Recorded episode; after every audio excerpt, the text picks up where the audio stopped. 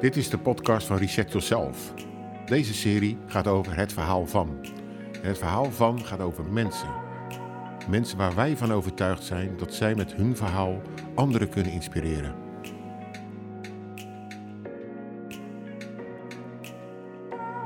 Nou Lars, leuk dat je er bent. Ja, superleuk. Welkom bij uh, de podcastserie. Waarin uh, wij van overtuigd zijn in ieder geval dat, we mensen kunnen, dat jullie mensen kunnen overtuigen met jullie verhaal. Kijk eens, lekker de druk erop leggen Hans. Heel goed. Ja toch? Ja. Maar daar hou jij van. Tuurlijk. Je hebt altijd gezegd, ik functioneer het beste met druk. Dus ik denk, begin maar gelijk aan het begin van deze podcast. Om dat ook zo te doen. Dus, uh, maar uh, leuk dat je er bent. En we zijn heel nieuwsgierig naar, naar jouw verhaal. En ik geloof dat we allemaal in ons leven natuurlijk een golfbeweging is. Hè? Er zitten momenten in waarin we tegenslagen hebben en momenten waar het in uh, goed gaat. Maar je komt ergens vandaan. En je bent uiteindelijk uh, natuurlijk ook via de gemeente uh, bij ons terechtgekomen. En wat was er aan de hand? Wil je dat vertellen? Um, ja, nou ja, maar dan moeten we wel beginnen aan te... Want ik ben nu 30. Ik ben in augustus ben ik 30 geworden. Oh, Wel een mijlpaal, ja. hè, hey, gossie. Maar ik zat dus wel in de tram hierheen, zat ik dus ook een beetje over na te denken. Dat het eigenlijk bij mij allemaal begonnen is toen ik 12 was, dus op mijn verjaardag. Ook letterlijk op mijn verjaardag.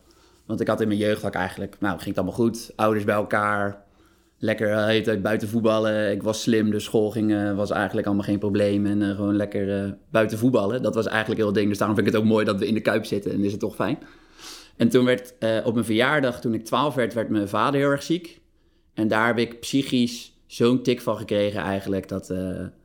Um, ja, ik klachten heb gekregen die ik de rest van mijn leven heb, omdat ik gewoon niet op het juiste moment, omdat ik veel te klein was en er niet mee om kon gaan, niet op het juiste moment aan de bel heb getrokken. Waarvan ik uh, nu eigenlijk kan zeggen met alle therapieën, want ik heb jarenlang in therapie gezeten. En eigenlijk is het punt gekomen nu, nou, is eigenlijk al een paar jaar geleden, maar dat ik nu op een punt ben gekomen waar het goed is om te accepteren wat ik heb, in plaats van het alleen maar erop te focussen van therapieën, hoe kan we, kunnen we dit oplossen. Maar de ervaring blijkt dat dit gewoon niet meer oplosbaar is. En dat het nu gewoon een kwestie is van accepteren, kijken naar wat je wel kan. En daarmee door te gaan. En dat heeft heel lang gekost om dat punt te bereiken. Heel veel verschillende therapieën gehad, heel veel verschillende therapeuten. De ene therapeut nog verschrikkelijker voor mijn gevoel dan de andere. Uh, wat was daar verschrikkelijk aan, Lars? Als je... Nou, het gaat er gewoon om dat je bij bepaalde momenten, met sommige mensen moet je echt gewoon een klik hebben. En vooral ook ervoor openstaan dat het moment, of ze zitten natuurlijk allemaal om je te helpen. En ik was 18, 19 en ik had al echt zes, zeven therapeuten gehad. En dan begon weer, hadden weer een nieuwe gekregen. En dan begon die nieuwe begon weer van ja, um, we gaan weer eigenlijk weer opnieuw beginnen. En dat ik dacht, ja, gast, ik heb al een een psychologisch dossier waar u tegen zegt, lees dat gewoon even door, dan hoeven we hier niet meer over te beginnen. Dus dat je ook een soort heel te me recalcitrant erin ging zitten en dat je dacht, ja, gast, um, ik moet ook wel gaan vertellen, maar jij moet er ook wel voor zorgen dat ik het wil vertellen. Uh, en dat ik ook heel vervelend was in sommige therapieën. Maar vooral is ook dat je er niet op, op een bepaalde moment voor open staat, op de manier waarop hij je wil helpen. Dus ik heb voor het laatst heb ik pas een therapeut gekregen die heel erg tegen mij zei van... joh, allemaal leuk en aardig. Jij hebt problemen, is goed, prima. Iedereen heeft die dingen. Ga er nou niet allemaal als een mal op zitten doorhameren... en over na zo bedenken en jezelf helemaal kapot lopen piekeren. Hij zei gewoon heel droog op zijn Rotterdams... Ga je de dood aan? Nee. Nou, doe even normaal dan. Hup, schouders eronder en gewoon kijken naar wat je wel kan. Maar ja, dat was op het moment dat hij het zei toen pas ging ik dat eigenlijk geloven. Als hij dat 15 jaar eerder tegen mij gezegd had, had ik echt zoiets van ja, uh, maar moeten we hier niet iets anders mee doen of zo? En pas op het laatst en pas op dat moment ging ik dus eigenlijk pas beseffen van oké, ja, je moet ervoor openstaan, maar vooral ook het juiste moment aan kunnen voelen. En dat was voor mij was dat het moment om naar hem te gaan luisteren eigenlijk.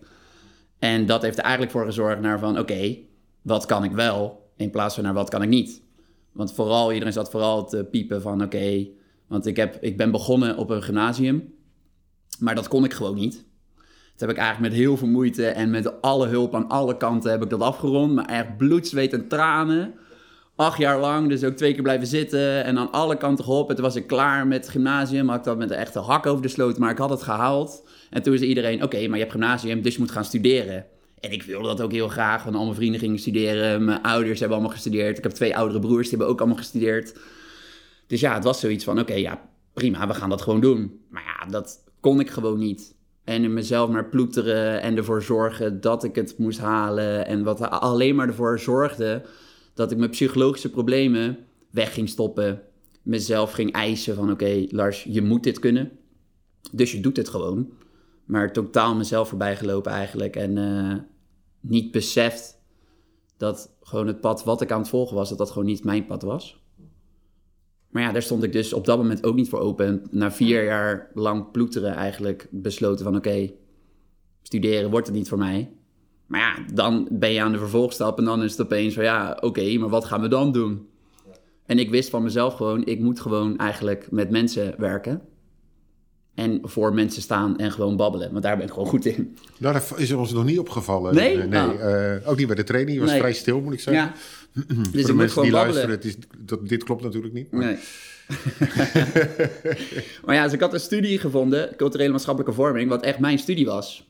En waar je dus leert om met mensen te praten en vooral voor groepen mensen te staan. Maar ja, ik kon gewoon niet studeren. En toen was het een beetje zoeken van, oké, maar wat gaan we dan doen? Toen kwam ik al heel snel kwam ik dus bij dat werk terecht wat ik nu deed. En dat is dus werken ehm, voor groepen mensen en activiteiten begeleiden, vooral voor kinderen en ook voor volwassenen. En daar was ik gewoon goed in, want ik was de hele dag een beetje aan het sporten, de hele dag aan het spelen. En dat ging allemaal prima. Alleen het was een nul uren contract en de ene maand had ik heel veel werk en de volgende maand niet. En dat was gewoon heel lastig. Dus toen ben ik uiteindelijk in de bijstand terechtgekomen. Met dus het ding van, oké, hoe kunnen wij, jij, eh, wij jou helpen? Oké, mag ik dan eh, nog even teruggaan? Ik ben Mhm. nog even, even nieuwsgierig naar het begin van dat verhaal. Wat je vertelde over je vader. En je vader werd heel erg ziek. Ja. Eh, hoe, is, eh, eh, hoe, is, hoe is dat afgelopen met je vader? Hij heeft hersenvliesontsteking gekregen. Heeft uiteindelijk een paar maanden in coma gelegen. En op zo'n heftige manier dat ze eigenlijk gewoon zeiden van... eh, we waren op vakantie en hij lag in eh, Portugal in het ziekenhuis. En ik moest voor het eerst naar de middelbare school. Want het was in de zomervakantie dat ik van groep 8 naar de eerste klas ging. En ze zeiden eigenlijk van... ja, neem maar afscheid van je vader, want... eh, jij moet naar Nederland, hij kan niet vervoerd worden, dus hij blijft hier. Ehm, dus ja, neem maar afscheid, want je ziet hem eigenlijk nooit meer. Oh. En toen was je heel oud? 12. Ik was dus echt precies 12 geworden. Ja, het was denk ik eh, een week na mijn twaalfde verjaardag of zo, anderhalve week. En toen ging ik dus met mijn broers vloog ik terug om eh, voor het eerst naar de middelbare school te gaan. Terwijl mijn vader dus daar bleef in het ziekenhuis en mijn moeder die bleef daar ook. En ik ging voor het eerst van een dorpje naar de grote stad, naar middelbare school. Terwijl ik eigenlijk totaal niet mee bezig was. Mijn vader lag daar in het ziekenhuis. En ik moest dus opeens een gymnasium gaan doen. Wat dus voor mij eigenlijk al... ehm, ik kon het halen, alleen ik moest er wel wat, gewoon wat voor doen. Ja. Daar kwam het eigenlijk een beetje op neer. En dat zorgde gewoon dat ik totaal voor mezelf wegliep. En ik zat in een familie waar dus allemaal niet zo... Of nou, iedereen was vooral bezig met mijn vader. En ik gaf totaal niet aan dat het ook niet goed met mij ging. Want ik was voor mijn gevoel was ik degene in de familie die ervoor moest zorgen dat alles goed ging. Dat ik de grapjes moest maken. Dus ik liep als een clown eigenlijk de hele dag een beetje te stuiteren. En eh, nee, het gaat zo goed allemaal, bla bla bla. Maar dat ging het echt totaal niet. Wat voelde je dan? De, kan dat nog herinneren? Wat, je, wat er toen door je heen ging? Wat je voelde? Als je een jonge jongen bent en, en je maakt dat soort heftige momenten mee. En dan toch het gevoel hebben, ik moet toch de clown zijn. Ja. Wat, wat speelde er dan bij jou? Nou, vooral, het was ook zo... Ik voelde me niet goed, maar ik wilde mezelf ook gewoon niet slecht voelen. Dus ik ging gewoon net doen alsof er gewoon helemaal niks aan de hand was.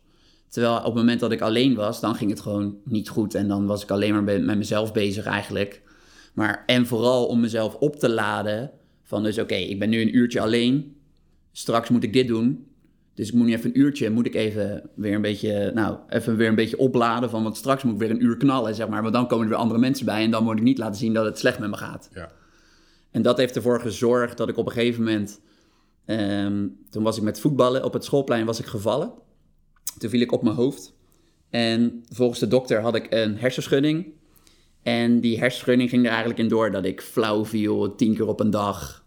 Eh, ik zag alles wazig. Ik kon eigenlijk gewoon helemaal niks meer. Waarvan het eerste gedachte was, joh, ehm, dat komt door de hersenschudding. Maar ja, dat duurde maar maanden en maanden en maanden. En toen zei op een gegeven moment mijn ouders zeiden tegen die huisarts van ja, allemaal leuk en aardig, maar... Of nou, mijn moeder. Want mijn vader die was toen nog aan het revalideren. Die uiteindelijk wel trouwens, dat wil ik nog wel even zeggen, er goed bovenop is gekomen. Oké, dat is ook wel even Ja, een dat is, eh, ja, daarom. eh. En ehm, toen eh, zijn ze naar de huisarts gegaan en de huisarts zei van nee, het blijft hersenschudding, gewoon rust houden. Maar ja, ik zat toen al een half jaar zat ik al thuis. En ik was toen, eh, ja, 13, 14 was ik toen. dus zat ik al een halfjaartje thuis. En toen is mijn moeder eigenlijk buiten de huisarts om naar het ziekenhuis gegaan. Waar mijn vader in het ICASI ziekenhuis. Mijn vader was daar nog steeds, was hij daar nog aan het revalideren. En die was daar deed het op controle. En omdat mijn vader daar op controle was, had ik zeg maar een soort van familiepakket. Ja, ja, ja. Dus omdat ik dus bij de familie hoorde, mocht ik daar dus ook heen. En daar bleek uiteindelijk van ja, dit is gewoon helemaal geen uh, hersenschudding. Dit zijn gewoon psychologische problemen. En toen ben ik begonnen met therapie. Nou, toen was ik, ja, toen was ik nog geen 14, denk ik eigenlijk. 13, 14. En daar ben ik eigenlijk pas mee gestopt met therapie toen ik 21, 22 was. Zo. En uh, ja, zoveel jaar geploeterd. Maar het begon toen eigenlijk allemaal in de therapie. Ging het al redelijk snel, ging het wel weer oké. Omdat ik ook weer voor mezelf het gevoel had van... Oké, okay, ik krijg nu hulp. Accepteren dat je die hulp hebt. En vooral ook een beetje oppervlakkige hulp houden. Want ik ben degene waarmee alles goed moet gaan. Dus ik moet niet jaren in therapie zitten. Wat ik toen voor mezelf het idee. Uh, ik moet niet jaren in therapie zitten. Ik moet gewoon vrij snel. Dus had die psycholoog gezegd van ja, je moet niet thuis zitten, want dat werkt helemaal niet voor jou. Je moet weer naar school. Toen dacht ik, oké, chill, ik ga naar school. Of ik moet naar school van een psycholoog. Dus dan gaat het weer goed met mij. Kan ik uitstralen naar de rest van de wereld. Dus ik hoef die therapie, was ik snel uit. En want het ging wel goed met mij, deed ik weer net het deed je het ding. Maar onderliggend ging het gewoon totaal niet goed. En uh, toen in die periode ben ik stemmen gaan horen in mijn hoofd die gewoon non-stop tegen mij praten. Ja. En die zei ook vooral tegen mij van, je moet niet naar de psycholoog, dat is helemaal niet nodig. Het gaat toch gewoon goed? Maar ja, dat ging het gewoon niet. Door die stemmen ben ik uh, heel slecht gaan slapen. Dus ik sliep maar gewoon een paar uurtjes per nacht. Wat ervoor zorgde dat ik in een soort visuele cirkel naar beneden terecht kwam van oké. Okay, want s'nachts als ik afleiding had van anderen, dan kon ik me heel erg, hey, alles leuk, stuiteren, het ging allemaal goed, bla bla bla. Maar dan zat ik in mijn eentje, lag ik s'nachts in bed, had ik niemand voor die afleiding en gingen alleen maar die stemmen in mijn hoofd tegen me praten en kon ik niks anders doen dan naar, naar luisteren. Ja. En was ik alleen maar met mezelf aan het knokken eigenlijk. Om uh, mezelf een soort van onder controle te houden. Maar dat ging gewoon totaal niet goed. Dus door die stemmen ben ik uiteindelijk in een psychose beland. En heb ik daar gewoon een tijdje in gezeten. Want in diezelfde Wat was je toen met die psychose? Hmm, ik denk, uh, oh wacht, uh, 16, 17 was ik toen. Want mijn vader, die was dus wonder boven wonder, was die eigenlijk weer hersteld. Uh, heeft alleen nog een soort naweeën ervan, maar de, de linkerkant van zijn lichaam is half verlamd. Uh, maar eigenlijk in wonder boven wonder is dat, valt het allemaal reuze mee wat hij heeft. Dus hij, want hij kan nog lopen, hij praat alleen een beetje moeilijk. Is hij trouwens pas voor geopereerd. Dus we hopen dat er nu weer binnenkort weer een nieuwe plastische chirurg wonder uh, gaat plaatsvinden. Maar dat vang jij wel een beetje op, denk ik. Daarom. Ja, okay. ja ik praat wel gewoon meer, dat komt wel goed. Uh, en, maar toen was mijn vader dus een beetje aan het herstellen. Toen kreeg mijn moeder, die, kreeg, uh, die werd ziek. Dus die kreeg op de long bepaalde dingen waarvan het niet helemaal de vraag was wat het was. Uh, waarvan ze toch een beetje dacht, oké, er zit een tumor en we moeten daar bepaalde dingen mee doen. Nou, dat ging ook nog wel redelijk soepel, is dat uiteindelijk nog beland. Totdat mijn broer, die, werd, uh, die was aan het voetballen en die kreeg last van zijn hamstring. En toen zei ze van, nou ja, gewoon een voetbalblessure, dus dat gaat allemaal goed. Totdat bleek dat hij een tumor in zijn ruggenmerg had. Toen is hij daaraan geopereerd en toen kreeg hij dezelfde ziekte, namelijk hersenvliesontsteking, wat mijn vader ook had gehad. Omdat die wond niet goed dichtging. En dat was eigenlijk voor mij de trigger van, oh jee, dit komt allemaal weer terug en het gaat allemaal verkeerd. En dat was eigenlijk het moment dat ik echt, uh, echt in mijn psychose schoot. Terwijl ik eigenlijk de jaren daarvoor ook al, ging het eigenlijk ook niet goed. Nee. Oh. Maar door die psychose, daar heb ik wel echt een tijdje in gezeten. Omdat ik dus gewoon er heilig van overtuigd was dat het allemaal goed ging. En dat straalde ik ook naar alles en iedereen uit. Maar ja, dat ging gewoon niet. En dan op een gegeven moment uh, valt toch je wereld in elkaar. Want dan blijkt dat alles wat ik in mijn hoofd had gecreëerd, dat dat gewoon totaal niet klopte. En toen zat ik echt uh, flink wel op een nulpunt. En toen gelijk weer in therapie. Dus toen ging dat weer allemaal beginnen. En zo ploetten we er eigenlijk gewoon jaren door. En hobbelde ik een beetje van psychose. Want later kreeg ik nog een beginnende psychose. Um, daarna heb ik er nog eentje gehad. Dus ik heb uiteindelijk echt twee echte psychose en één beginnende gehad. En toen was eigenlijk het moment van, oké, ja, kappen nou met, vooral ook met studeren. Want door, door het studeren, want dat lukte gewoon niet. Um, daarna moest ik heel, ik moest heel veel in mijn eentje gaan zitten, omdat ik dus moest studeren. En als, op het moment dat ik in mijn eentje ga zitten, dan gaat het gewoon niet goed. Want dan ben ik alleen maar met mezelf bezig. En toen, na die laatste psychose, toen was dat punt, oké, nou, we kappen nu gewoon met dat gekke schooltraject waar ik mezelf verplicht in moet stellen. Want dat werkt gewoon niet. En kreeg ik dus die Rotterdamse psycholoog die gewoon zei... Ga nou gewoon eens even kijken, want je kan zoveel... maar jij kijkt alleen maar naar de dingen die je niet kan... in plaats van naar de dingen die je wel kan. En dat heeft ervoor gezorgd eh, dat ik dus bij de bijstand terecht kwam. En toen bij de bijstand... Was Toen was je 21, zei je net, hè, ongeveer. Of? Nee, nee, bijstand was... eh, ja, hoe, hoe, hoe oud was ik toen? Eh, ja, 24 denk ik, zoiets. 23, 24. En toen was het echt van, ja, oké, wat nu? Want in de bijstand komen we vooral de dingen, als je geen diploma's hebt, ze zeggen van, ja, je moet eigenlijk een diploma halen. Maar ja, ik kan gewoon niet een eentje op mijn kamer zitten. Nee. Dus dat is gewoon vrij lastig. Dan komen ze vooral met baantjes dat ze zeggen van... ...yo, ga ehm, lekker... eh, oh, we zetten hier achter een computer... ...en je gaat gewoon achter de computer dingen doen. Maar dat is voor mij is dat ook gewoon niet. Dus dat werkt gewoon niet. En ik had dus al die baan gekregen... eh, met een nul uur contract. En dat ging eigenlijk prima. Alleen het vervelende was gewoon dat ik het ene maand heel veel werk had... ...en de andere maand niet. En in die maanden ertussen, dan was het gewoon een beetje zoeken naar... ...wat moet ik nou precies eh, doen? Ja. En toen kwamen ze uiteindelijk na, dus nou, weer heel veel verschillende werkconsulenten. Want niemand wist eigenlijk precies wat ze met me aan moesten. Toen uiteindelijk dus bij die cursus terechtgekomen. Nou ja, dat is ook eh, nou, na een paar jaar geweest. En toen zat ik opeens bij Hans. En toen kwam je bij de cursus. Ja, toen begon ik dus bij de cursus. Want eh, mijn werkconsulent die wist ook niet zo goed wat ze met mij aan moest. Want ze zei van, ja, ik heb dus wel baantjes voor je, maar waarvan weet ik gewoon dat als ik je daarop ga zetten, dat je binnen twee weken weer hier bent, want dat, dat werkt gewoon niet voor jou. En dat kan je gewoon niet. En je hebt eigenlijk al een baan, dus we moeten eigenlijk meer een soort van aanvulling vinden voor de maanden ertussen. Maar dat is dus ook wel lastig, want het liefst hebben we gewoon natuurlijk dat je fulltime ergens aan de slag gaat. Ja. Maar vooral omdat je nu zelf een baantje hebt gevonden waar je en je goed bij voelt. En het, het, het, het gaat ook gewoon goed. Dus we moeten een soort van bijvulling vinden. Maar er zijn wel verplichtingen waar je aan moet doen. En ik ga je ook niet op sollicitatietraining of sollicitatiebriefcursus dingen zetten. Want dat slaat gewoon nergens op. En dat heb je ook gewoon helemaal niet nodig. Dus ik heb iets voor jou en je zegt dat je een beetje het werk wil doen. eh, ook een beetje wat aansloot op de studie die je gedaan hebt. Waarvan je zelf vond, vindt dat het echt bij jou past. Dus we hebben zo'n cursus van een man. Nou, daar ga je maar gewoon heen. En als je het niks vindt, is prima. Maar dan heb je in ieder geval je eh, verplichting heb je gedaan. Maar ik denk dat je daar wel iets aan kan hebben. Nou, dus ik daarheen. Dat was op het event, hè? Dat was op het, ja, dat was op het event. Nou, dus ik kom daar aan bij een Bali. En eh, het allereerste wat ze zeiden van de gemeente eigenlijk was... ehm, ja, eh, bij wie kom je stage lopen vandaag? Dus ik zei, ja, stage lopen? Nee, ik ben deelnemer aan het event. Ja, nee, nee, nee, nee. Je komt toch stage lopen? En bij wie moet je dan melden? En bij, hoe, hoe- laat moest je dan precies hier zijn? Ik zei, nou ja, ik moest er om half tien zijn. Omdat ik eh, voor het event eh, kom en voor de banenmarkt. Nee, nee, nee. Oh, oh, oh. Nou ja, nee, dan moet je melden bij die balie links. Maar weet je zeker dat je niet bij de balie rechts moet zijn? Dus waar de stagiaires heen moeten. Ik zei, ja, ja, ik moet echt naar links. Dus ik probeerde al een beetje zo naar links te gaan. En toen kwam ik daar bij die balie. Toen zei ze, oké, maar welke naam sta je dan op de lijst? En sta je wel op deze lijst? Want eh, ik kan je niet vinden. Ik zei, jawel, ik sta daar bovenaan. Want dat is handig, want ik begin met een B. Dus dan sta je wel vaak wel bovenaan. Dus nou, oké, nou, oké, nou prima. En dan ga je maar gewoon, eh, nou, veel plezier was het eigenlijk. Maar het was vrij ongemakkelijk in het begin. en ik dacht echt, ja, god, wat doen we hier in vredesnaam? Want dat is ook voor mij is dat ook vaak een heel groot ding. En ook met mijn psychologische eh, gesteldheid. Is omdat het plaatje wat ik vaak heb, wat ik uitstraal en hoe mensen mij zien, dat past niet met wat ze in hun hoofd hebben bij het plaatje wat ik daadwerkelijk ben.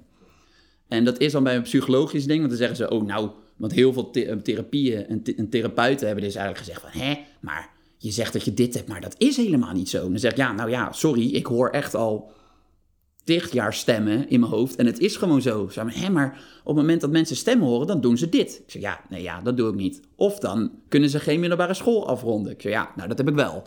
Oké, maar ja, hm, nou ja, hm, je valt er een beetje tussen. En dit was dus precies bij dat event, was eigenlijk precies hetzelfde als wat ik dus altijd al meemaak. En wat dus echt super frustrerend is. Ik dacht, nou, oh jee, nou, we gaan er maar wat van maken. Het is, eh, het is nu kwart voor tien.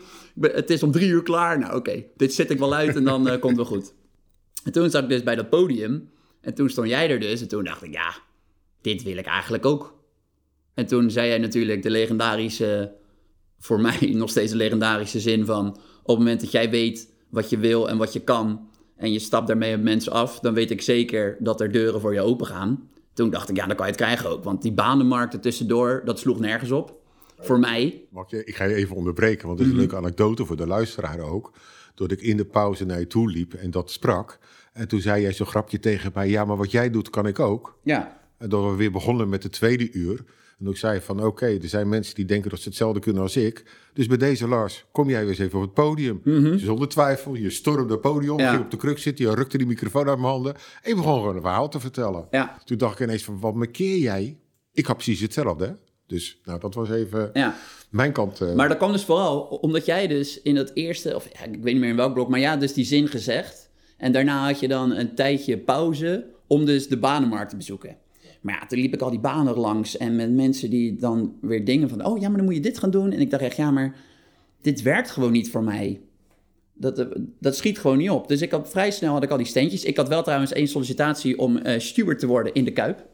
Daar was ik voor uitgenodigd. Maar ja, dat was dus... eh, Voor mij was dat ook weer niet handig. Aangezien ik dus dat werk wat ik al deed, dat was dus vooral in het weekend. En Feyenoord speelt natuurlijk eigenlijk vooral in het weekend. Dus dan moest ik keuze gaan maken tussen banen. Dus het, het was ook zo van, ja, dat is ook vrij onlogisch om nu dan dit te gaan doen. Ik zoek juist iets voor door de weeks. ja, de in plaats baan van opzeggen voor de andere. Ja. Ja. Dus die banenmarkt had ik al vrij snel door van... oké, nou ja, die, hier gaat het voor mij niet tussen zitten. En toen zat ik dus een beetje... maar die pauze die duurde dan ook best wel lang. Dus toen... dacht- en ik zag jou zo een beetje rondlopen... dus ik dacht, ja, nou ja, eigenlijk wil ik dat wat jij kan. Of de- wat jij doet. En ik kan dat ook. En toen dacht ik, ja, nou dan kan je het krijgen ook met die deuren. Dus ik eh, stapte een beetje bij de hand op je af. En toen zei jij dus, ja, allemaal leuk en aardig... maar als jij bij de hand tegen mij doet... dan doe ik bij de hand tegen jou. Dus dan moet je straks op het podium zitten. Toen dacht ik, ah, oké, ja... Ja, Ja, en dat ging goed. Dat is goed, dan gaan we dat doen. Dus eh, zo is het een beetje gekomen, eigenlijk. En daar heb je wel, buiten die eh, banenmarkt, waren er nog meer eh, eh, instrumenten die daar aanwezig waren. Daar stond dus ook die training. Mhm. Daar stond ook die En training. daar heb je je uiteindelijk voor Ja, opgegeven. zeker. Omdat het ook vrij snel wel was van... ja, ik wil je me- mee door. Ja. Wat heeft dat met je gedaan? die wat, wat kan je daarover vertellen? En wat dat voor zeker effect gehad heeft in de beslissingen die je daarna genomen hebt? Nou, vooral meer een soort van het ding van het pad wat ik dus al volgde met... Oké, ik weet wat ik kan eigenlijk. Maar dat is heel moeilijk om daar dan een soort van wel op, op door te gaan voor mij. Is omdat om- het automatische ding is van... Oké, maar je hebt geen diploma's, dus je kan eigenlijk niet op dit pad. En dat was vooral eh, toen iets waar, tegen, met, waar ik tegenaan liep. Omdat je dan toch denkt van... Oh jee, ja, het is zo wel. Ik heb geen diploma's, dat klopt. En ik ga ze ook niet halen. Dus het was heel zoeken naar mij van... Oké, ik weet eigenlijk wel wat ik kan en ik weet wat ik wil. Alleen welk pad ga ik dan nemen? En deed het, als ik dan een pad inging, dan zei er iemand van... Nou, maar je hebt geen diploma's. Dus dan viel dat pad weer een soort van dicht. En die cursus, die heeft me wel eigenlijk doen beseffen van... Nou ja, dit is gewoon iets wat ik wil en wat ik kan. En oké, dan, eh, dan gaat er waarschijnlijk eh, tien deuren gaan er dicht, maar er gaat er vast ergens wel eentje open. En dat heeft die dagen eigenlijk me wel vooral doen beseffen van, oké, ja, hier ben ik gewoon goed in. Dit wil ik. En hier eh, gaan we mee door. En dat heeft er ook voor gezorgd dat ik dus dat werk wat ik deed met een nul uren contract, waarvan ik eigenlijk gewoon blij was dat ik eigenlijk al dat contract had. Maar waarvan ik later ook wel tegen mijn baas zei van ja, allemaal leuk en aardig, maar ik heb gewoon iets vast nodig, want anders dan eh, ben ik hier gewoon weg. Ik dacht, ik speel gewoon een beetje hard to get. Ja, ja, ja. En toen zei hij opeens van, oh, nou ja, ja, nee, dan gaan we wel nadenken over iets vast. Maar dat had ik ook nooit door die cursus eigenlijk gedaan, omdat ik dan toch een beetje dacht van, oh ja, nou ja, het gaat nu goed. Moet ik nou iets gaan veranderen? Want ik heb nu een vorm gevonden waar het voor mij en dus mijn psychologische dingen werkt. Moet ik nu iets gaan veranderen? Want voor hetzelfde geld gaat het weer totaal verkeerd met mij. En schiet ik weer weg in een wereld die ik weer voor mezelf ga creëren en kom ik weer in een soort psychose terecht. Wat heeft er nou voor gezorgd? Want dat is natuurlijk hè, waar heel veel mensen natuurlijk last van hebben. Hè? Mhm. Van eh, de angst hè, om nieuw te beginnen, verandering in het leven. Hè? Dat Ja. hebben we allemaal mee te maken. Daar heb ik ook mee te maken, zeker in deze tijd. Heel grote veranderingen, maar ook de kleine veranderingen. Hoe heb je dus uiteindelijk toch voor jezelf die, die omslag gemaakt? Dat je echt zegt van oké, maar ik ga niet voor die angst, weet je wel. Dat er misschien kan gebeuren, maar ik ga juist ja, voor, voor het leven. Ik ga Ja. juist om die stappen te maken. Wat heeft er... Nou ja, dat kwam dus zo, zeg maar, het, het beginzaadje was dus eigenlijk geplant door een psycholoog die gewoon zei van kijk naar wat je kan en wat je niet kan. En bij die cursus word je er toch zes dagen op gehamerd van doe het nou, doe het nou, doe het nou. Ja. En gewoon met opdrachtjes, met van die kleine dingetjes dat je denkt van ja, nou ja, ja, oké. Als jij, eh, oké, Hans die zei bijvoorbeeld, vind ik ook nog een mooi ding. Hij zegt ja, ik douche elke ochtend koud. Nou, je denkt van tevoren, je denkt ja, joh, dat ga ik echt niet doen. Je staat toch ook een beetje onder de douche om lekker warm te krijgen. Dacht ik altijd. Maar ja, dan zegt Hans, nee, doe dat nou. Gewoon doen. Je moet dingen veranderen. En dan denk je, nou, oké, is goed, ik probeer het wel. Nou, daar kwam ik dus wel na twee dagen achter. Het werkt niet echt. Behalve als het voor mij warm is, want dan doe ik het wel. Voor jou werkt het Ja, niet? nee, voor Ja, mij ja, werkt het ja, niet. Ja, mooi. Maar dat zijn wel de dingen van ja, er, er wordt zo op gehamerd van doe het en zoek nou gewoon naar bepaalde dingen. En dat je op een gegeven moment ook denkt van nou, oké, het zal maar eigenlijk, we, ik doe het gewoon en we zien het wel. En dat werkt vooral. En in die cursus, het belangrijkste voor mij vind ik nog steeds dat je daar zit met een groep mensen die je gewoon totaal niet kent. Maar dat je binnen een halve ochtend eigenlijk heel je levensverhaal allemaal op tafel gooit met totaal verschillende verhalen, maar die toch eigenlijk allemaal ook een soort dezelfde achtergrond vandaan hebben. En ik was ook de jongste, want ik was, ja, ik was 28 was ik toen. Ja, Er zaten ook mensen, die zaten van halverwege de 50 zaten ze erin. En ik zat er toch mee als dan de, de, de jongste of zo. jonge hond noemen we jou. Ja, de, ja, de jonge hond. Met zijn energie. Ja. Stuitte er door de hele ruimte. Er wilde niemand praten en zei Hans, nou dan mag de jonge hond mag weer naar voren komen. en dan moest ik weer.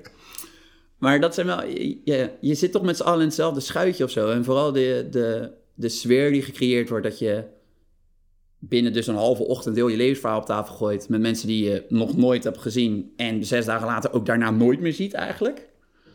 Dat is zo mooi, maar dat je ook voor jezelf ook denkt, oké, nou ja, ik, ben, ik heb inderdaad dit. Jij hebt dat. Maar ik leer van jou, leer ik weer om... eh, ja, eh, eh, ja, je leert zoveel van elkaar. En waardoor je voor jezelf ook een soort van ehm, gemotiveerder wordt om dus bepaalde dingen te doen. Ja, ja, heel mooi.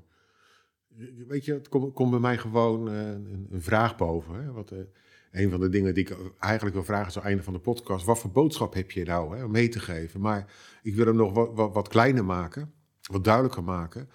Ehm, als ik zie dat heel veel jongeren in de leeftijd van 20, 30 jaar op dit moment, weet je, eigenlijk, hè, zeker in deze onzekere periode, ook worstelen. Hè, van waar gaan we naartoe, wat wordt mijn toekomst?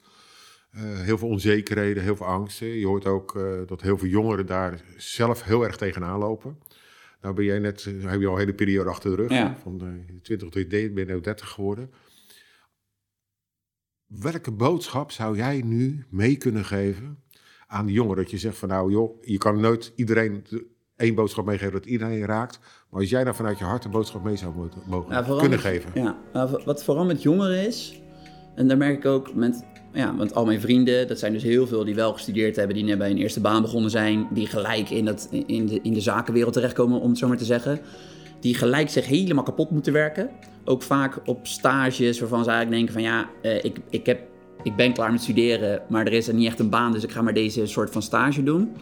Die dan terechtkomen in een soort systeem Ehm, waar het eigenlijk gewoon niet goed met ze gaat. En je merkt gewoon dat er nu de laatste jaren heel veel psychologische problemen ontstaan onder jongeren en onder studenten. Maar dat niemand daar eigenlijk open voor naar buiten durft te treden. Omdat je toch alsnog in een soort studentenwereld die wordt gezien. Ja, eh, psychologische problemen. Je ziet het niet aan iemand, dus het bestaat niet. Waar ik zo vaak ook tegenaan ben gelopen, dus ook wat ik net vertelde, dat mensen zeggen van... Oké, je zegt dat je stemmen hoort, maar ik zie het niet aan jou, dus je hebt het niet.